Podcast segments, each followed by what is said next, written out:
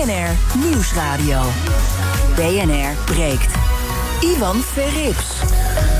Hartelijk goedemorgen. Vanaf half twaalf praat ik over het nieuws van de dag. Over de verkiezingen in Duitsland. Over het eerste weekend sinds tijden zonder anderhalve meter. Over inmiddels ex-staatssecretaris Mona Keizer. En over de beveiliging rondom Mark Rutte. Dat allemaal straks in het uh, nieuws van de dag vanaf half twaalf. Dat bespreek ik met mijn panelleden. Vandaag te weten Tammy Schoots, transgenderactivist en sectorraadslid bij FNV Jong. Goedemorgen. Goedemorgen. En Pieter Lossi, die adviseert de VO-raad. Goedemorgen. Goedemorgen. We beginnen met... BNR breekt. Breekijzer. Het heeft te maken met eh, de formatiegesprekken die vandaag verder gaan. Om uh, half twaalf komen VVD, CDA en D66 weer samen bij informateur Remkes. Het leek allemaal af te, koeren op, op, af te koersen op een soort minderheidskabinet.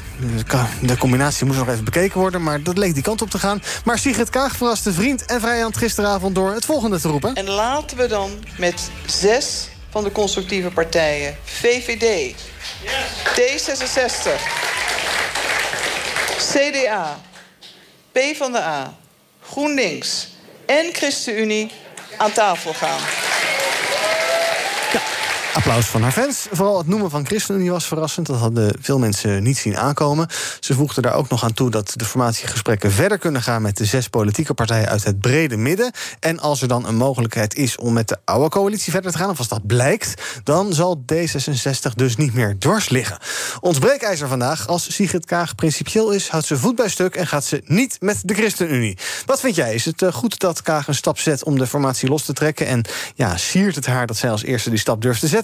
Iedereen moet immers uh, wat water bij de wijn doen. Of is dit een tegenvaller van die anderhalf miljoen stemmers op D66? Op belangrijke thema's zijn hun standpunten nou niet echt lekker verenigd paar met wat de ChristenUnie vindt. En trouwens, een meerderheidskabinet was dat inmiddels niet een gepasseerd station. En gingen we niet naar een minderheidskabinet kijken met meneer Remkes. Wil je meepraten? Pak je telefoon en bel naar 020 468 4x0. 020 468 4x0. Ons breekijzer als Sigrid Kaag principieel is, houdt ze voet bij stuk en gaat ze niet met de ChristenUnie. Zometeen hoor je hoe uh, Tammy en Pieter erover denken. Maar ik begin even bij Sophie van Leeuwen, onze politiek verslaggever in Den Haag. Goedemorgen, Sophie. Hey, goedemorgen. Nou ja, ik vind dat een beetje raar om een mening te vragen van verslaggevers en collega's. Maar toch maar eens proberen. Als Sigrid Kaag principieel is, houdt ze voet bij stuk en gaat ze niet met de ChristenUnie. Wat zeg jij dan? Nou, op basis van de inhoud, dan krijg je mijn mening. Mm -hmm, maar, nou, ten eerste wou ik nog even zeggen... ze zegt, ik, ik blokkeer niet meer... maar eigenlijk blokkeert ze natuurlijk vandaag wel een minderheidskabinet. Dus dat is toch wel weer een beetje de blokkeer Kaag die we hier zien, vind ik. Maar verder, ja, onzin. Uh, ik roep al maanden, uiteindelijk kom je links of rechtsom... toch weer uit bij Gert-Jan Segers van de ChristenUnie... bij toch het redelijke midden. En die twee partijen, dus D66 en ChristenUnie... die hebben jarenlang samen opgetrokken in het kabinet Rutte 3... tegen VVD en CDA. En die waren het heel vaak samen eens over het klimaat, over migratie. Denk aan de kindertjes in Moria. dingen als leenstelsel. Dus Segers en Kaag die, die zitten veel meer bij elkaar op schoot mm -hmm. dan wij denken. Ja, maar ze was heel erg hard to get en nu opeens niet meer. Ja, dat is natuurlijk ook uh, onderhandelingstactiek mm. of strategie. Je moet ook iets uit te onderhandelen hebben. En ja, dat hele voltooid leven. Ja, ik denk persoonlijk, Kaag is ook een, een katholieke vrouw. Uh, is dat nou echt iets waar zij persoonlijk heel erg uh, aan hangt, aan voltooid leven? Of is dat gewoon een van de, he, de, de, de kroonjuwelen stokpaardjes van haar partij? Die je uiteindelijk gewoon, nou ja, toch kunt, kunt inruilen om andere dingen op te lossen die, die toch veel belangrijker zijn. Dat noemden ze gisteren ook. Onderwijs, klimaat. Dat heeft nu gewoon even prioriteit. En ik denk dat heel veel mensen in Nederland het daar wel mee eens zijn. Blijf even hangen, ik kom zo bij je terug, Pieter. Um, onze breekijzer, als Sigrid Kaag principieel is, houdt ze voet bij stuk en gaat ze niet met de ChristenUnie. Ja, uh, ik denk dat uh, Kaag ontzettend uh, de schrik nog in heeft zitten van toen zij is weggestuurd. Dat, Onder andere door. Door de ChristenUnie, uh-huh. inderdaad. Uh, en dat is natuurlijk een, uh, ja, een teken van wat zou kunnen gebeuren met zo'n minderheidskabinet. Dat uh, ministers eigenlijk ten alle tijden door een Kamer weggestuurd kunnen worden. Dat beleid altijd aangepast kan worden met de meerderheid van de niet-minderheidskabinetpartijen. En dat nu dus die roep voor een meerderheidskabinet misschien ook vanuit de achterban steviger is geworden. En ik moet ook zeggen dat ik het in die zin geen onlogische stap vind dat natuurlijk Kaag met ChristenUnie op op wonen, op uh, klimaat, op migratie. veel al dezelfde meningen deelt. En dat zou inderdaad dan betekenen dat op medische ethiek en deels ook op veiligheid er minder progressieve stappen gezet kunnen worden. Uh, maar volgens mij is die verbinding met de ChristenUnie beter uit te leggen dan uh, de verbinding tussen D66 en CDA. En is in die zin misschien voorheen niet goed gecommuniceerd waarom Kaag per se niet met ChristenUnie in een kabinet zou willen stappen. Mm En zo progressief mogelijk wordt dan misschien iets minder progressief dan ze eigenlijk zou willen. Maar ja, dat moet je dan maar toegeven. Ja, afhankelijk natuurlijk van of uh, PvdA en GroenLinks uh, in dat uh, zes partijenkabinet ja. zouden komen. Alright. Tommy? Nou, ik geniet altijd van het spel wat Kaag aan het spelen is. Ik heb het gevoel dat we hier allemaal een beetje op de beleid en de inhoud blijven. Nou, daar ben ik er dus niet voor. um, wat ik heel erg zag, ik moest heel erg gniffelen toen ik het hoorde. Want er is al een maanden een soort roddel ook in Den Haag dat Rutte het gaat opblazen zodra hij in oktober de langzittende premier is.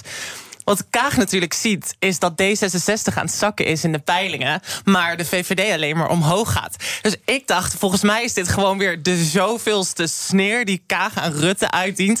Want uh, Rutte denkt natuurlijk mooi, dan gaan we zo meteen nieuwe verkiezingen in. Kaag gaat naar beneden, mm -hmm. uh, weer nieuwe partners om mee samen te werken. Maar Kaag ziet dat ook wel.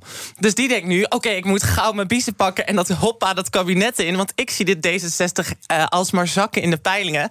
Dus ik heb het gevoel dat ze hier weer gewoon een beetje een politiek spelletje aan het spelen oh, is. Toch even deze roddel voorleggen aan Sophie. Tja, uh, ik denk ook wel dat ze hier juist heel erg probeert om te laten zien... kijk, ik sta boven de partijen, uh, ik heb een moreel gelijk... ik ben degene die verstandig is en zegt... Uh, ik, ik blokkeer niet meer. En ik heb het idee dat dat ook een beetje het spelletje is wat zij speelt. Proberen degene te zijn die uh, uiteindelijk doet wat juist is, zo zei ze gisteren. En ja, die peilingen, ik weet niet of ze zich daar zo zorgen om maakt. Ik, ik geloof persoonlijk niet dat Rutte uh, aanstuurt op verkiezingen. Want dan komt hij ook uit met een totaal versnipperd parlement. waarbij zijn vrienden van het CDA, nou ja, misschien wel meer dan gehalveerd zijn. En ik, ik, weet niet of Rutte daar nu echt op zit te wachten, op nieuwe verkiezingen. Mm, mm, mm. En wat uh, Pieter net zei, is ja, Kaag is zich doodgeschrokken van wat er vorige week gebeurd is, of twee weken geleden, zoiets. Ja. dat zij ja, eigenlijk door de vrienden van de oude coalitie is weggestuurd. Is dat, is dat een analyse die je ook hoort, Sophie? Nou, dat is natuurlijk wel een reden om, om toch uh, voorzichtig te zijn met een minderheidskabinet. Ja. Want het is natuurlijk heel makkelijk om bewindspersonen naar huis te sturen. Zeker nu dat uh, een beetje het nieuwe normaal is dat je met een, uh, een motie van afkeuring he, al je, misschien wel je biezen zou moeten pakken. Mm. Ja, dan wordt zo'n minderheidskabinet ontzettend kwetsbaar. Dat hebben we natuurlijk gezien met het vertrek van Ank Bijleveld van Defensie en Kaag zelf. Dat heeft haar pijn gedaan, dat weten we. Um, ja, aan de andere kant heeft Segers haar opgebeld. Hè? Ja. En, en heeft ook gezegd: ik, het was geen wraak, het was puur op de inhoud dat wij die motie hebben gesteund van afkeuring. Dus uh, laat, laten we alsjeblieft hier geen ruzie over maken. En dat lijken ze dus een beetje te hebben bijgelegd. Ja, ja het was een soort goedmaak, goedmaak-interviewtje van Segers in het AD gisteren. Hè? Die zei: ja, ik haat die partij echt niet, de D66. En uh, het was allemaal geen lekker pu. Uh, moest iets gelijmd worden? Al die jaren zo goed met elkaar ja. samengewerkt. En dat, maar dat is ook zo. Dat is achter de schermen is dat ook zo. Um, uh, dus ik denk uh, dat, daar, dat daar, daar best iets voor te zeggen is natuurlijk. En ik denk dat die twee nou, misschien ook echt wel een goed gesprek hebben gehad. En, en dat dat nu ook uh, ja, misschien een, een, een, manier is om dan samen weer verder een beetje op te trekken. Right. Ik ga een paar bellers aan het woord laten. Die reageren op ons breekijzer. Als Sigrid Kaag principieel is, houdt ze voet bij stuk... en gaat ze niet met de ChristenUnie. Wil je meepraten? Pak je telefoon en bel naar 020 468 4x0. 020 468 4x0. Dat heeft onder andere meneer Huigens gedaan. Goedemorgen. Met wie spreken? Wie zoekt u? Ja, ja, meneer Huigens, dat bent u toch? Oh, sorry, nee, ja, niet kwalijk hoor. Ja, geef niet, zeg het maar. Uh, ik kan het met, uh, met uw stelling niet eens zijn. Uh -huh. Laat het nou toch wel wezen als we in informatietijd zitten dan behoor je toch eerst te spreken met elkaar. Eerst luisteren wat, wat, wat een ander wil. En niet met, uh, met dingetjes vooraf al zeggen, dat wil ik niet. Dan gaan ze het allemaal doen. Dat doen ze ook. Dat geldt uh, voor Kaag, geldt voor, uh, voor Rutte. Mm -hmm. Dus laten we alsjeblieft eerst normaal spreken. Ik moet dan ook Remkes prijzen. En niet alleen naar elkaar luisteren in informatietijd... maar dan moet het hele vier jaar moet het zo zijn dat je elkaar daarop kunt, kunt aanspreken. Hm. Luister naar elkaar en, en het zaken doen. Ja, luisteren niet uitsluiten. Dank u wel. Meneer Van der Geest, goedemorgen. Ja, goedemorgen. Ik ben het uh, in principe daarmee eens dat je niet meer kan samenwerken. Wat op is gebleken dat het niet meer kan. Want ze zijn nu alleen maar aan het schuiven en aan het puzzelen met elkaar. Het moet gewoon in Nederland zo worden vastgelegd dat gewoon alleen de drie grootste partijen, hoe meningsverschillen ze ook hebben, dat die met elkaar tot een akkoord moeten komen en, komen. En als dat niet lukt, dan worden er nieuwe verkiezingen uitgeschreven. Want het is gewoon al bijvoorbeeld bepaalde partijen uitsluiten. Dat werkt gewoon niet binnen een democratie. Het volk heeft gekozen voor de nummers 1, 2 en 3. En de nummers 1, 2 en 3, hoe verschillen ze ook met elkaar zijn, die zullen gewoon met elkaar een uh, coalitie moeten vormen. Hm. Tammy, nieuwe verkiezingen? Nou, dat is wel lang, hè? Ik, en ik vond dat, dat ook een beetje gek. De drie grootste partijen hebben al lang geen meerderheid meer. Dus ja, dat wordt dan gewoon überhaupt een beetje lastig. Dan krijg je gewoon iedere keer een minderheidskabinet. Uh, ik ben het daar niet mee eens. Er is ook zoiets nog als uh, inhoudelijke en politieke verschillen. Ja. En daar zou op, moet, op moeten geformeerd worden. Ja. Oké, Pieter, pak even je glazen bol. Uh, stel, we gaan doen wat mevrouw Kraag graag wil. Dus praten ja. met zes partijen. VVD, CDA, D66, PvdA, GroenLinks en de ChristenUnie. Um, en dan zegt Kaag, ik werp geen blokkade meer naar ChristenUnie op. Ook niet als het een wat kleiner clubje wordt. Waar, waar gaat het dan uh, struikelen? Ja, dat is een goede vraag. Want wat Kaag hier doet, is natuurlijk eigenlijk de bal weer terug schoppen naar uh, CDA en VVD. En de vraag is nu of VVD en CDA uh, die bal gaan lek prikken of niet. waarmee dus duidelijk wordt wie misschien daadwerkelijk de weigerpolitici in de Kamer zijn. -hmm. wat denk ik gaat gebeuren als ik in mijn glazen bol ga kijken, is dat er weer een soort document op hoofdlijnen komt te liggen oh, tussen die zes Oh. partijen. Uh, misschien naar aanleiding van het uh, vorige document op hoofdlijnen. En dat Kaag dan naar buiten gaat met... Uh, ja, wij kunnen consensus vinden tussen al deze partijen. dus laten we met z'n zes dit gaan doen. En dat uiteindelijk VVD en CDA voet bij stuk houden en zeggen... jongens, met zes partijen, Mhm. getalsmatig is dat niet nodig. laten we gewoon de huidige coalitie voortzetten. En dan is de vraag, gaat Kaag dat doen? Natuurlijk mede omdat haar campagne op nieuw leiderschap gebaseerd was. En men kan zeggen dat uh, dit niet echt een vorm van nieuw leiderschap mm -hmm. is.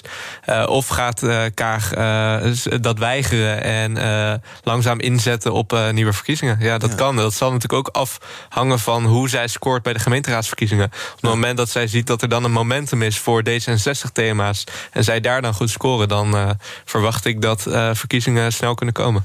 Ik had gehoopt dat we voor maart er wel uit zouden zijn. Maar... Ja, ik, ik ook. En ja. de thema's zijn zo groot dat denk ik ook heel veel mensen in die zin natuurlijk wel snakken. Dat geeft Kaag ook aan, aan naar oplossingen. En zeker de algemene politieke beschouwingen hebben wel uh, weer energie gegeven aan constructief nadenken over vraagstukken ja. en, en acties ondernemen. Dus ik hoop dat de partijen in Den Haag over hun eigen schaduw heen kunnen stappen en op die energie uh, kunnen gaan formeren. Ja. Uh, Sophie uh, Remkes die, is een, minderheidskabinet aan het onderzoeken. Dat is hem door de Kamer gevraagd. Misschien een beetje een vraag, maar mag hij überhaupt een meerderheid onderzoeken? Het staat niet in zijn, in zijn opdracht. En uh, Kaag zegt nu, we moeten toch weer met, uh, met een meer, meerderheid gaan proberen. Ja, daarom heeft hij ook gezegd vorige week. Ik wil nu dus uh, in de loop van deze week wil ik dus dan een conclusie hebben van kunnen we een minderheidskabinet vormen? Nou, daar gaat het vandaag natuurlijk over hè, op het binnenhof. Mm -hmm. um, en, en dat is de opdracht van de Tweede Kamer. Als dat niet lukt, als dan Kaag zegt ik wil het echt niet, of misschien VVD en CDA, we willen toch nog even kijken naar een meerderheidsoptie, dan kan hij dat rapportje inleveren hè, bij Vera Bergkamp, de Kamervoorzitter, en dan komt er een debat en dan komt er een nieuwe opdracht van nou gaat toch maar weer een meerderheid uh, uh, onderzoeken, meneer Remkes. Mm -hmm. zo, zo, gaat dat natuurlijk. En dan ja, zou, zou je kunnen zeggen dat dit een beetje een ver, verloren week is nu al. Als we daar nu al staan, waar we ja. staan met Kaag. Kan je net zo goed nu zeggen, ja. Wil je reageren op onze uitzending? Reageer op ons breekijzer. Als Sigrid Kaag principieel is, houdt ze voet bij stuk... en gaat ze niet met de ChristenUnie. Pak dan nu je telefoon, dat kan nu nog... want we praten nog een minuutje of uh, vijf hierover. En bel naar 020 468 4 keer 0 020 468 4 keer 0 Tammy, uh, Sophie zei net, ja, uh, D66 en ChristenUnie kunnen het eigenlijk best goed vinden. Terwijl inderdaad in de beeldvorming het een soort uh, totale tegenpolen zijn. Hoe, hoe zie jij dat? Nou, misschien totale tegenpolen nou ja, op onderwerpen ja. die, waar, waar D66 altijd een beetje de glans mee. Mm -hmm. um, ja, ik denk wel dat als ChristenUnie erin komt, dat weet je, met voltooid levenseinde, ja. abortuswetgeving, kijk, daar zit de ChristenUnie natuurlijk niet erg op één lijn nee, uh, met Kaag. En daar was natuurlijk ook die linkse partijen er zo graag bij. Ik wil toch graag nog even een andere invalshoek er nog even uh, tussen gooien. Mm -hmm. Ik denk dat als links mee gaat regeren in zo'n hele grote coalitie, dat dat echt de dood van links Nederland wordt. Want het is al heel erg dat ze naar, naar het midden toe aan het bewegen zijn. Ik denk dat dat überhaupt al heel erg slecht is. En alleen daarom zou ik al denken van nou, laat het maar schieten. Doe Mhm. een minderheidskabinet en ga op onderwerpen steeds samenwerken. Ja, het zou politieke zelfmoord zijn als je daar als je, ja, nog verder naar midden en dus misschien een beetje naar rechts toe schuift. aan de andere kant, met een, met, een, eh, met een minderheidskabinet kunnen al die antidemocratische partijen natuurlijk wel weer voet aan de grond krijgen. We hebben 27 zetels met eh, extreemrechtse partijen in het parlement, die dan ook gewoon veel makkelijker daarop aan kunnen haken. Al, al moet ik wel zeggen, ik heb laatst dus opgezocht hoeveel eh, onder Rutte 3, GroenLinks en de PVV met elkaar meestemmen. En dat is dus vrij veel. Dat is dus meer dan 50% op elkaars Ja. wetsvoorstellen. Ja. In dat interview gisteren eh, van Segers bij het AD eh, zei hij ook van ja, dat medisch-ethische deel dat wordt veel te, veel te groot gemaakt en veel te veel uitgelicht. Inderdaad, voltooid leven, dat soort zaken. Hebben wij de, is dat, vinden wij dat allemaal te interessant en moeten we gewoon praktischer kijken? Of moet je ook principieel daarin zijn? Nou, ik denk dat we naar voren moeten gaan. Ik denk dat in een maatschappij. De maatschappij is daar denk ik heel erg klaar voor. Ik denk dat er natuurlijk nog wel heel veel ethische vraagstukken zijn. Die eraan vasthangen. die we nog niet adequaat besproken hebben. Maar ik denk dat we echt wel klaar zijn als land om stappen te maken richting zelfbeschikking. En daarin zie je ook vaak dat hoe men stemt, of de politieke partijen, toch altijd een beetje die vooruitgang terughouden. De Mhm. politieke partijen hebben heel veel christelijke partijen, terwijl de meeste mensen in Nederland eigenlijk niet meer christelijk zijn. Dus daar, daar zie je toch soms een klein beetje een disconnect. Eh, misschien hebben we nog meer partijen nodig. Oh ja, joepie. nog. We hebben nu 20 geloof ik, hè? Of 19? 19 was Ke- 19. en Keizer is natuurlijk zo meteen misschien wel. Zou nummer 20 kunnen worden? Ja, ja, daar hebben we het zo over. Nou, laten we het nu maar doen. Nou, over Keizer, maar ja, over, over, over kwestie Keizer wel. Ja, ik zat te denken, stel dat ze afsplitst en dan. eh, ja, nou, daar zaken. heb ik dus ook wel een mening over, maar daar kunnen we het dus zo wel over hebben. Nou, daar wil ik ook wel even Sofie over horen. Zijn er, want, want Mona Keizer, een bijzonder verhaal eh, dit weekend. Eh, interview in het AD zei ze, die coronapas, ik zie het eigenlijk allemaal niet zo zitten. Nou, toen was haar positie onhoudbaar in het kabinet. Wat, wat, ze is natuurlijk ook, Telegraaf, eh, ja. Sorry, Telegraaf. Ze is natuurlijk ook eh, eh, eh, Kamerlid, hè? Ja, zeker. En ik denk dat het daar ook wel stiekem over zou gaan met Remkes. De vraag ook aan Wopke Hoekstra. Hoe stabiel is uw partij? Want u heeft nu nog hè, eh, 14 zetels, één al verloren aan Pieter Omtzigt. We weten dat Mona Keizer en Pieter Omtzigt best wel close zijn. Allebei tegen de pro- coronapas eh, in dit hele verhaal. Dus ehm, stel je voor dat het CDA nou nog meer Kamerleden gaat verliezen. En je ziet ook dat de peilingen het slecht doen. Ehm Omtzigt staat hoog in de peilingen. Ja, wie weet zijn er mensen die denken... eh, als ik mijn baan wil behouden... kan ik beter bij, eh, bij Omtzigt aansluiten. Dus heeft zo'n minder- eh, zo'n meerderheidskabinet... dus met die drie partijen plus ChristenUnie... überhaupt nog wel een meerderheid? Is dat überhaupt een, een serieuze optie voor een stabiel kabinet? Of beland je dan toch weer in een situatie... als er weer iemand weg, wegrent bij die partij... dat je dan moet gaan smeken om miljarden bij PvdA en GroenLinks? Kijk, en dan kun je natuurlijk beter afspraken maken... in plaats van dat je gegijzeld wordt door de linkse partijen... die dan in de Tweede Kamer zitten. Dus dat maakt het nu deze week extra complex. Ingewikkelde opdracht voor Remkes van hoe moet je nu verder? Want je weet eigenlijk niet hoe de kaarten... of hè, hoe, de, hoe de zetels de komende tijd zullen liggen. Pieter, stel nou dat we eh, zometeen alsnog gewoon met het, eh, huidige, eh, de huidige coalitie doorgaan. Na Ja. 6, 7, 8, 9, 10 maanden. Ja. Wat zegt dat jou? Het is wel een beetje gênant, toch? Of niet? Ja, dat is eh, eh, vrij gênant. Het is sowieso, eh, denk ik, niet een heel zuiver teken richting al die toeslagenouders. Eh, want veel al dezelfde mensen en veel al hetzelfde beleid zal waarschijnlijk voortgezet eh, worden waar het kabinet eerder eh, op gevallen is. En daarbij denk ik ook dat het in die zin misschien niet verstandig is dat je natuurlijk ook zoiets hebt als de Eerste Kamer. En nou, daar heb je ook meerderheden nodig om bijvoorbeeld de begrotingen er door te laten gaan. En op het moment dat je nu dus al getalsmatig in beide kamers, wat redelijk een unicum zou zijn voor het afgelopen decennium eh, politiek in Nederland, een, een meerderheid zou hebben, dan zou je op al die urgente en grote vraagstukken eh, zeker ervan zijn dat je gewoon veel beleid eh, door kan voeren. Kan je doorpakken. Ja, precies, daarom. Dus eh, ik zou vooral zeggen, ehm, ga kijken naar eh, of er meer mogelijk is dan de huidige coalitie. Maar ja, bij misschien een gebrek aan vertrouwen en succesvolle politiek... is dat inderdaad het, het geval om op terug te vallen als het allemaal niet lukt. En er zullen nog wat meer blokkades ook bij andere partijen opge- opgegeven moeten worden. Sophie, ik zei het al, vandaag om half twaalf dus ehm, eh, Hoekstra, Rutte en Kaag bij Remkes. Wa- wa- wat wordt daarvan verwacht inderdaad? Hè? We weten, Remkes is ongeduldig en die eh, wil geloof ik deze week inderdaad, je zei het al, eh, nou ja, eh, met een conclusie komen. Eh, ga- gaan we Ja. vandaag al spannende dingen horen of nog niet? Nou, ik verwacht niet dat het heel gezellig wordt daar in ieder geval. Want ja, na die, dat bommetje van Kaag... ik weet niet of Rutte en Hoekstra daar erg blij mee zijn. En dan zitten we dus met die kwestie Mona Keizer. Dus ik denk dat we vooral nog even moeten afwachten... wat de CDA-fractie morgen besluit over haar toekomst. Ik denk nog niet een grote doorbraak vandaag. En Remke zei, we hebben in de loop van de week een conclusie. Dus ik, ik kan me voorstellen nog een paar dagen aan het eh, schutteren zijn hierover. Staan jullie wel weer te posten? Zometeen? Ja, Thomas van Groningen die Heel staat goed. zo om eh, half twaalf bij de dranghekken. En dat hoor je allemaal vanmiddag natuurlijk in eh, onze studio Den Haag. Heel goed. Dankjewel, Sophie van Leeuwen, onze politiek verslaggever. Zometeen praten we nog wel eventjes over Mona Keizer. En dan eh, vooral de vraag: goh, is dat nou één, slim van haar om dat te zeggen? Nee. Maar twee, moet ze dan ook weg? Nou, dat horen we zo meteen. En we hebben het over het einde van de anderhalve meter afstandsmaatschappij samenleving ding. Hoe hebben we dit weekend beleefd? En natuurlijk de Duitse verkiezingen. Daar willen zowel eh Tammy als Pieter het graag over hebben. Gaan we dus zo meteen doen in het tweede deel van BNR Break. Tot zo. Bij BNR ben je altijd als eerste op de hoogte van het laatste nieuws. Luister dagelijks live via internet. Jelle Maasbach. Wesley Weert. We zijn er voor je met het leukste, opvallendste, maar natuurlijk ook het belangrijkste nieuws. Tijdens de presentatie van die halfjaarcijfers toen die beurskoers in elkaar kukkelde. BNR Beurs. Voor de slimme belegger. Blijf scherp en mis niets. BNR Nieuwsradio. BNR breekt. Ivan Verrips. Ja, goedemorgen en welkom terug bij BNR Breek, de tweede half uur. Daarin bespreken we altijd het nieuws van de dag. En dat doe ik eh, niet alleen, want dan zou het een heel erg monotoon verhaal worden. Nee, Tammy Schoots is hier. Zij is transgenderactiviste en sectorraadslid bij FNV Jong. En Pieter Lossie, eh, hij adviseert de VO-raad.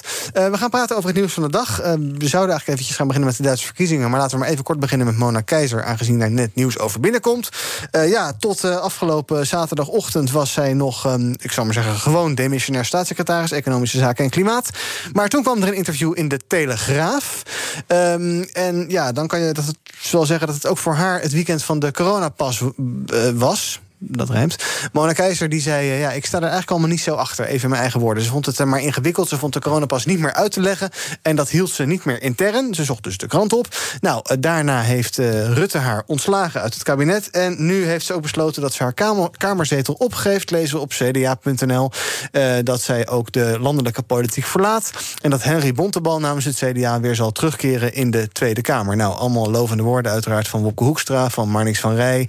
Ehm, en ehm, eh, nou, zij verlaat dus de landelijke politiek. Ehm, toch even daarover hebben nog met jullie. Ehm, eh, Pieter Omzicht had er van gisteravond ook nog een heel tweet eh, gedoetje over. Die zei ja, dat ontslag van Keizer uit het kabinet, dat kon eigenlijk niet. Pieter, ja, allereerst eventjes dat, dat interview. Ja. Als kabinet spreek je met één mond. Ja. Dus je kan als individueel kabinetslid niet iets anders zeggen dan het kabinetsbeleid. Kan niet, kan niet. Nee, los van de inhoud. Maar als je bepaald draagvlak wil creëren voor je beleid, dan Ja, dat- moet je met één mond spreken. Ja, is dat. ehm, eh, en dat is ook goed, vind jij? Want je zou kunnen zeggen: waarom zou je niet mogen laten weten dat er in een kabinet meningsverschillen zijn en dat iemand er wat anders over denkt? Ja, maar als, ze dat, eh, als je dat wer- daadwerkelijk vindt, dan had Mona Keizer in de Kamer moeten tegenstemmen toen die coronapas werd voorgesteld. Mhm. Dat is ook iets wat Carola Schouten heeft gedaan. Ja. En onder het motto van dualisme is dat gewoon prima. Want het moment dat je instemt in de Kamer met zo'n pas en vervolgens gaat lopen morren via de pers over zo'n coronapas, ja, dan, dan doe je het ook niet op een juiste manier. Ben je het daar maar eens, Tammy? Ehm, dat, ja, onder dat dualisme inderdaad. Dus dat gaat inderdaad over dat nieuwe leiderschap. Over goed elkaar goed eh, dat scheiden. Daar ben ik het helemaal mee eens. Ik wil het er toch nog wel een beetje even politiek over hebben. Want mijn inziens was het denk ik wel een logische stap... als je gaat kijken waar Mona Keizer polit- zich politiek bevond. Ze was natuurlijk eerst immens populair. Ik heb het even opgezocht. Ja. In, in 2017 haalde ze 127.446 stemmen. Immens. Ja. Had haar ook een eigen zetel kunnen opleveren. Dat is nu naar beneden gegleden naar 18.031 in 2021. Kijk, Mona Keizer, haar stemmersbasis is onder rechts, extreem rechts conservatief. Die is, die is natuurlijk immens ingehaald, omdat we nu aan de rechterflank 27 zetels hebben. We hebben Ja 21, we hebben Forum voor Democratie, we hebben PVV. Allemaal mensen die Keizer hebben ingehaald. Voor haar was dit een laatste sputterpoging, denk ik, om een eigen profiel te behouden. Om dat CDA een ruk naar rechts mee te nemen. Maar er was ook geen andere mogelijkheid meer. Dus het is heel Ja. logisch dat ze nu weg uit de Kamer is. Want waar moet ze heen? Maar dit was natuurlijk wel een beetje een soort zelfmoordmissie die ze aan het uitvoeren was. Nou, het was uh, roppen voor onder. Ja. Dit had haar immens populair binnen de partij kunnen maken. En had kunnen een voorsorteren op een kabinet over middenrechts en extreemrechts. Mm Ik denk dat zij daar zelf ook wel naartoe had, had willen gaan. Um, maar dat is compleet mislukt. Ja. Ik denk dat ze, heeft dat ze de loyaliteit binnen het CDA heeft onderschat. Omdat het over nieuws gaat, is Sofie hier toch ook nog eventjes. Jordan net, onze politieke verslaggever Sofia. Het besluit om Mona, van Mona om de Kamer te verlaten... is na goed overleg met de Tweede Kamerfractie tot stand gekomen. Lees ik op de website van het CDA. Uh, ze wordt er geroemd als zeer gerespecteerd CDA, enzovoorts, enzovoorts, enzovoorts. Was haar positie ook binnen, hè, binnen het kabinet überhaupt... maar ook binnen het CDA ja, gewoon niet meer te handhaven? Ja, blijkbaar niet, uh, niet meer. Nee, blijkbaar uh, ging, dat, uh, ging dat helemaal niet meer. En het is toch opvallend dat ze dus haar zetel opgeeft. Ja, hè, dat ze hem niet meeneemt, waar we het eerder in deze uitzending over hadden. Ik zie ook wat reacties binnenkomen. Verklaring op de website van het CDA van de, de, partijleider Wopke Hoekstra. Die zegt: Ik respecteer het besluit. Ik wil Mona enorm bedanken voor haar inzet, betrokkenheid en de goede samenwerking in de afgelopen jaren. En ook Marnix van Rij, dat is de interim partijvoorzitter, die, die heeft hier een reactie eh, op de website. Uh, ik ontmoette Mona voor de eerste keer tijdens een afspraak op het partijbureau. Haar scherpte, eigenzinnigheid en verfrissende kijk op de samenleving vielen me al in het eerste gesprek op. Nou, die scherpte en eigenzinnigheid die zijn dus eigenlijk uiteindelijk haar ondergang geworden, zou je kunnen zeggen. Want ja, hier blijkbaar is ze hiermee één stap te ver gegaan. En ze verlaat dus blijkbaar de politiek. Ja, of dat dan betekent dat ze toch ooit nog met Pieter Omtzigt ja of nee, dat zullen we er zelf moeten vragen. In ieder geval is Henry Bontebal, die neemt haar kamerzeteltje in. Dat is uh, de jongen van de nieuwe klimaatvisie hè, van het CDA, van de groene industriepolitiek. Precies, die was even de vervanger van Omtzigt, geloof ik, hè? toch? Of niet? Of, die, heeft, die heeft eerder in de Kamer gezeten, een paar, tot een paar weken geleden. Ja, hij heeft een paar maanden in de Kamer gezeten, werd zeer gewaardeerd en werd dus ook meteen naar voren geschoven als nou, dit is de nieuwe, het, het klimaatpausje van het CDA. Mm uh, ik vond het heel jammer dat hij weg moest en ja, dat hij dan zo snel zou terugkeren. Volgens mij is hij nou een week weg geweest of zo. Ja. Dat had echt niemand gedacht. Maar nee. ik denk dat hij er zelf heel blij mee is. Ja. Jij zei het al eventjes, uh, uh, en we constateren het hier ook al, Mona Keizer die had ook al wel langer geloof ik kritiek op ja, allerlei coronabeleid. En ehm, dat was misschien wel bekend.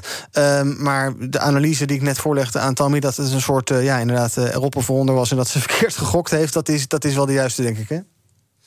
Ja, dat is dan misschien toch, uh, toch de juiste uh, geweest. En we kennen haar natuurlijk ook van het ministerie van Economische Zaken. Heeft ze ontzettend gebeukt op. Uh, nou ja, als, als zeg maar, het ging over de witte jassen hè, en alle, alle strenge regels die werden opgelegd. En zij was degene die achter de schermen het opnam voor bedrijven, voor ondernemers. Van moet het nou allemaal zo streng met die lockdowns en, en die winkels? En daar heeft ze behoorlijk wat onrust mee veroorzaakt hoor, al in het verleden. En haar relatie met Hugo de Jonge, hè, de minister van Volksgezondheid, was denk ik niet optimaal.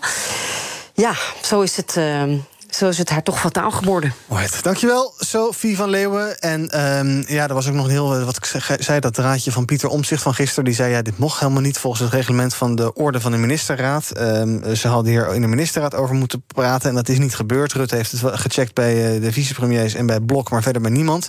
Uh, vanmorgen hoorden we even Frans Wijsglas op de radio. Uh, Twitter, corrivee, VVD-icoon, voormalig voorzitter van de Tweede Kamer. Die kijkt er net wat anders naar. Wat betreft de vragen van Omtzigt... ja, ik vind Pieter Omtzigt een ongelooflijk goed Kamerlid. Maar ik vind dat hij nu een beetje spijkers op laag water zoekt. Ja, is uh, Omtzigt nu een beetje aan, door, aan doordraven hierin, Tommy? Nou, ik vraag me af als het niet een uh, soort politieke vriend was geweest... of hij uh -huh. dan ook had getweet. -huh. Dus ik denk dat dit gewoon een manier is om... Uh, tuurlijk, het is wat hij zegt in mijn, in mijn optiek klopt dat? En is dat ook iets wat uh, getweet zou moeten worden? Maar ik denk wel dat het strategisch was voor wie die het tweeten. Uh, is gewoon politiek. Alright. Uh, dan gaan we even, ja, een bijzonder weekend toch wel. afgelopen zaterdag was de eerste dag waarop de anderhalve meter formeel niet meer gold. Maar dan waren er in allerlei sectoren, horeca, bioscopen enzovoorts, wel weer de corona-check-app die je even moest laten zien. Het corona-toegangsbewijs, de coronapas, geef het de naam. ja, je mocht dus losgaan, maar wel tot 12 uur, want dan ging de horeca weer dicht. Pieter, hoe heb jij het afgelopen weekend beleefd? Ben je op een ben je, ben je met je QR-code naar buiten gegaan of heb jij je leven totaal niet aangepast? Uh, ik uh, zat afgelopen weekend in uh, Antwerpen, mm -hmm. in België. En ik moet zeggen dat ik daar heel veel heb kunnen doen zonder mijn corona-check-app te gebruiken. heb ik geen één keer uit mijn zak hoeven halen. dus wat dat betreft voelde het echt wel weer een beetje als voor de coronacrisis. Ja, hoe is het bij jou, Tammy? Nou, ik zou willen zeggen dat ik uh, veel met uh, middel, mannen van middelbare leeftijd heb gedanst in barren. Dat is niet zo. Ik ben wel uit eten geweest. -hmm. uh, daar werd het niet gevraagd. Ik heb ook toen nog even met de, de eigenaar van het restaurant gesproken. En zij zat daar echt met haar handen in het haar. Zei ze tegen me: Ik weet niet meer hoe ik dit moet doen. Ja. Weet je, er zo weinig personeel. Personeel wat op de vloer was, was echt 16, 17. Ja. En was haar constant dingen aan het vragen. Zegt: Ik ja. weet het gewoon niet. Ik heb het ook gemerkt. Ik kan dat gewoon niet handhaven. Er is heel veel beginnend personeel in de horeca nu. De burgemeesters van het Veiligheidsberaad die zijn best wel positief over het afgelopen weekend, hoe het allemaal gelopen is. Maar Robert Willemsen van Koninklijke Horeca Nederland, die zegt inderdaad, wat je ook al uh, ziet, al dat er af en toe best wel een oogje dichtgeknepen is. Uh, signalen die wij vooral krijgen ook is dat mensen moeite hebben met de discussies die ze uh, moeten voeren aan de deur. Of dat ze annuleringen krijgen. En dan vaak een oogje dichtknijpen. ik denk dat in de praktijk gebleken is dat ja, als mensen even naar het toilet gaan bijvoorbeeld. Het was prachtig weer van, van het weekend. Dat mensen niet massaal binnen zaten.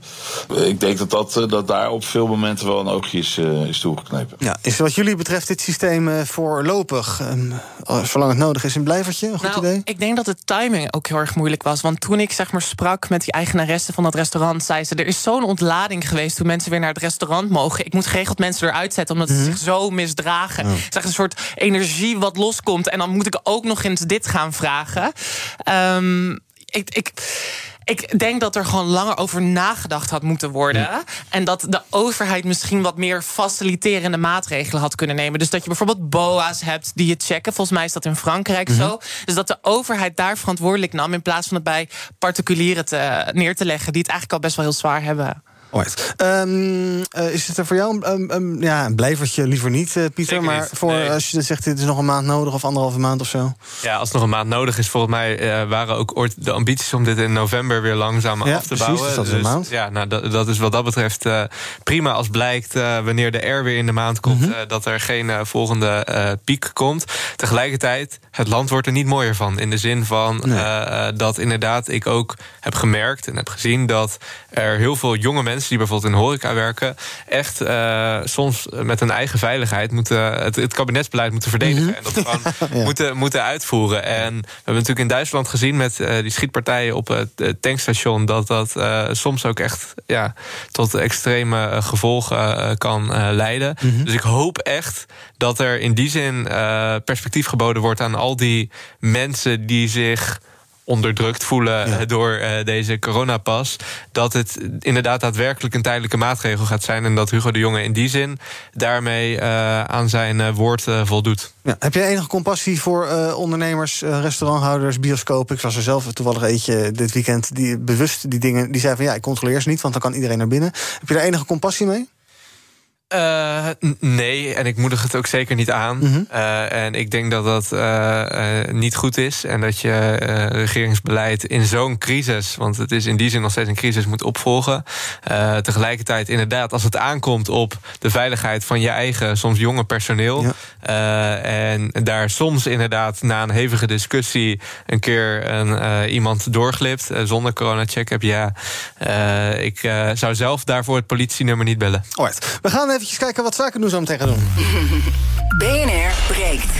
Want dat is wel over een kwartiertje. En vanaf de redactie is hier Thomas van Zel bij ons. Iwan, goedemorgen. Wat ga je doen zo meteen? Ik ga praten met uh, Menno Snel. Hij is de voorzitter van de brancheorganisatie Nogepa voor de gas- en olieindustrie. Uh, dat was een uh, veelbesproken functie, want hij was tegelijkertijd ook bestuurder bij ABP, het pensioenfonds. Waarvan toen werd gezegd: ja, maar als je het een doet, kan je het ander niet meer doen. Nou, hij heeft gekozen voor Nogepa. En met hem gaat het uiteraard over de energietransitie. Want welke rol rest er nog voor deze bedrijven? Het gaat over de oplopende gasprijzen. Ik denk echt een bomvol half uur. Voorafgegaan door een gesprek met Michiel Witteveen. nieuws van van gisteravond, ook al besproken op BNR. Maar hij stapt op als de algemeen directeur van Blokker. Net in het zicht van die beursgang. Omdat hij zegt, nou dat moet iemand anders maar gaan doen. Wat nou de precieze verklaringen daarvoor zijn, ga je zo meteen horen. Het economenpanel is er. Onze Duitsland-correspondent Dirk Marseille... voor een wat uitgebreidere analyse van de verkiezingen in Duitsland. Nou, echt waar. Ivan, smullen. En Thomas, je bent weer welkom in de studio, want er hangen meer microfoons ja, hier. moet je nagaan dat ik het dan toch niet doe, hè? Wat zegt dat nou eigenlijk? Ja, wat zegt dat? Nee, ik, ik had me hier helemaal geïnstalleerd. Oh. Uh, morgen ben ik er. Ja, leuk man. Oké, okay, tot morgen dan. BNR breekt. Althans, tot morgen, maar natuurlijk gewoon tot zometeen 12 uur. Oké, Duitsland. Uh, Dirk Marseille dus zometeen in zaken doen. Laten wij het er even over hebben in onze uitzending. Jullie willen het er allebei graag over hebben. Uh, ja, de verkiezingen bij de Oosterburen. De SPD, de grote winnaar van de Duitse verkiezingen. Uh, parlementsverkiezingen. Ik zie Tammy twijfelend knikken, maar dat horen we zo even. Ruim 25% van de stemmen binnengehaald. CDU, CSU, die Union scoorde historisch laag. Krap 24%, laagste sinds de Tweede Wereldoorlog. En ondanks de nek-aan-nek race, de kop-aan-kop-rennen... zat de sfeer er gisteravond bij de SPD natuurlijk goed in. Ze hebben entschieden dat die Sozialdemokratische Partei bij allen Balken naar oben geht. En dat is een großer Erfolg. Sie wollen, dass es einen Wechsel in der Regierung gibt und auch, weil sie wollen, dass der nächste Kanzler dieses Landes Olaf Scholz heißt. Nou, dat is voor Duitse begrippen best enthousiast. Tammy, jij, de SPD toch niet de grote winnaar? Of? Nou, je, grote winnaar. Volgens mij was er echt uh, 1, nog iets ja, verschil ja. tussen uh, SPD en de Zeker. CDU. Maar ik vind het wel mooi, hè? De tijdperk van ik ben daar mitte Angela mm -hmm. Merkel is voorbij. ik ben daar ongelooflijk blij om. Want uh, voor mij, ik vind Angela Merkel echt verschrikkelijk. Het depolitiseren van Europese politiek. Hè? Want ze schept als Europa, Europa of als Duitsland een precedent voor Europa. Er zijn twee dingen die ik heel graag over deze verkiezingen kwijt wil. Eén. Eén ding wat, waar ik denk waar we allemaal zeg maar ook wat van gaan merken is het feit dat er een nieuw economisch bewustzijn. Het is niet voor, niet, is, het is niet voor niets dat Schulz de minister van Financiën was onder het vorige kabinet Merkel. Mm -hmm. Kwam met progressieve maatregelen over de rijken meer belasten. Uh, en dat is echt een probleem in Duitsland. Het landelijk gemiddelde is ongeveer 4000 uh, netto per maand voor, per huishouden. Maar uit cijfers van het OECD uh, blijkt dat het zes generaties kost voor arme mensen om op dat gemiddelde niveau te komen. Er is dus wel echt iets aan de hand met sociale mobiliteit in Duitsland. En dat economische bewustzijn, hè, we hebben progressieve maatregelen nodig op economie. Denk ik, dat is een, dat is een soort momentum. Wat je bijvoorbeeld ook in Noorwegen zag, mm -hmm. waar het linkse blok had gewonnen. Het gaat weer over economie, het gaat weer over armoede. En ik hoop gewoon dat dat ook gaat overvloeien naar ons. Ja. Dus... Mijn tweede punt ja, is, twee. is dat de Sociaaldemocraten aan het leren zijn van die depolitiseringspolitiek. Want wat Olaf Scholz heel interessant heeft gedaan tijdens debatten, is zichzelf als het redelijke midden presenteren. He, waar er ideologische gevechten zijn bij de Groenen, tussen mm -hmm. de pragmatici en de ideologische. En onder het CDU, waar he, nog rechtser versus middenrechts, uh, ging hij er eigenlijk vandoor met He, ik ben het redelijke alternatief. En dat vond ik wel mooi, dat een linkse partij dat eigenlijk eens doet. Ja, um, nou dan ook maar jouw punten gewoon op tafel gooien, Pieter. ja. Nou ja, ik kijk er uh, vanuit mijn studie iets, uh, ook een stukje politicologisch naar. En ik vind het grappig om te zien dat je hier echt dat vertragingseffect ziet met wat er in Amerika plaatsvindt. Dus je had natuurlijk in, dat, dat Trump verkozen werd. Mm -hmm. En dat toen even later in Europa, met, met Wilders, met Le Pen en opeens het populisme uh, weer opleefde. En nu hebben we natuurlijk Biden gehad die gekozen werd. En wat zag je in Nederland? SP en PVV verloren veel aan het midden. Mm -hmm. En wat zie je inderdaad nu in Duitsland? Dat AFD en die linken ook weer verliezen aan het midden. Dus wat grappig is, is dat het midden daarvan profiteert. En de christendemocratie die zich altijd als eigenlijk het redelijke midden heeft gepresenteerd, uh, die uh, heeft hier juist ontzettend verloren. want in die zin is het natuurlijk geen historische winst mm -hmm. van SPD, maar is het een historisch verlies van CDU-CSU. Ja. En het mooie was in die zin om te zien ook dat op het moment gisteren dus dat CDU zo erg verloor, dat CDA in Nederland op vijf zetels werd gepeld, wat mm -hmm. historisch de laagste peiling voor het CDA ooit was. Ja. Dus blijkbaar heeft die sociaaldemocratie geleerd van die populistische stroming hiervoor, maar moet de christendemocratie zich nog her ontdekken. Ja, maar dat is inderdaad wel interessant. Want wat het is, is niet zozeer wat daadwerkelijk het midden is, maar wat zich positioneert mm -hmm. als midden. En dat gaat, gaat kleine gevechtjes in die nationale politiek. Dat gaat, daar is opening voor andere partijen. Je ziet Mélenchon, hè, de, de communistische kandidaat in Frankrijk, zie je ook langzaam omhoog bewegen. Er is nieuw ja. momentum om dat midden te herdefiniëren. Ik als linkspersoon ben al tien jaar moet ik dealen met verlies van links. Dus ik vind het wel mooi dat daar wat meer bewustzijn is. Maar wat me niet zo goed stemt om het naar de Nederlandse context te trekken. In Nederland is er geen besef op links dat, uh, dat er een politiek spel bestaat. We moeten allemaal zwaar ideologisch zijn, waardoor je soms heel veel van de middenmensen niet meekrijgt. Volgens mij waren het ook voornamelijk oudere stemmers Zeker. die naar de SPD gingen. Maar, ja. Uh, en dat is wel interessant. Daar zit heel veel kiezersbasis. En dat zouden we hier ook moeten. Dat P van, die P van de A zou een beetje weg moeten gaan van de identitaire Mhm. vraagstukken. Dat over moeten laten aan GroenLinks. Als een soort sluiswerking, Ja. zeg maar, die linkse kiezers weer terugtrekken. Net zoals wat de Deense Groenen, die ik overigens vers- eh, verschrikkelijk vind, de Deense Sociaaldemocraten, ook hebben gedaan. Om weer een breder links te creëren. Ja. Pieter, wat zegt het jou dat inderdaad zowel AFD aan de ene kant, maar ook die link aan de andere kant eh, eh, best verloren hebben? Inderdaad, mensen trekken dus naar het, naar het midden, niet Ja. naar die uitgesproken extreme flanken? Ja, dat eh, volgens mij wat je voor deze populistische stroming eh, zag... dat veel mensen natuurlijk eh, oneens waren met, met wat er gebeurde... en ook zoiets hadden van het establishment heeft me verraden. Zeker natuurlijk na die economische crisis... waar niet iedereen dat in zijn portemonnee voelde. Men dacht, oké, het populisme kan daar antwoord op bieden. Zeker natuurlijk ook met thema's die voor populisten interessant waren... in die tijdsgeest, zoals alle migratiestromen die opkwamen. En nu beginnen denk ik mensen te voelen in hun eigen portemonnee om hen heen... oké, klimaat, eh, eh, wonen, eh, pensioenen. In Duitsland was bijvoorbeeld digitalisering een groot thema. Wil ik dat daar dingen op gaan plaatsvinden... dan heeft het geen zin om op populistisch te stemmen... omdat die populisten bij voorbaat zijn uitgesloten. En dus denk ik dat veel mensen gaan kijken... oké, hoe kunnen we pragmatisch... eh, toch idealistisch ervoor zorgen dat we via die nieuwe partijen eh, eh, antwoorden gaan vinden op die grote vraagstukken. Tammy, jij bent blij met Olaf Scholz als opvolger van Angela Merkel. Nou, dat moeten we nog maar gaan zien. Ik ben in ieder geval blij dat Angela Merkel Weg is. Maar ik vind het wel interessant dat Ja. Pieter los. Wat Pieter net zei, is van. Daar heeft het CDU natuurlijk een hele grote fout gemaakt. Omdat ze op een gegeven moment ook. Het ging ook over belastingen. Daar hebben ze een fout gemaakt door te zeggen: we gaan iedereen hoger belasten. En niet een soort progressieve belastingstelsel waarin de rijken meer worden belast. Terwijl dat bewustzijn steeds meer aan het komen is. Hè, van we moeten degene aan de top. Dat als we die hetzelfde belasten als onderaan, is dat niet evenredig. En daar zijn ze fouten aan het maken. Dat, omdat ze denken dat dat bewustzijn er niet is. Maar dat zie je inderdaad, wat Pieter zegt, langzaam weer terugkeren.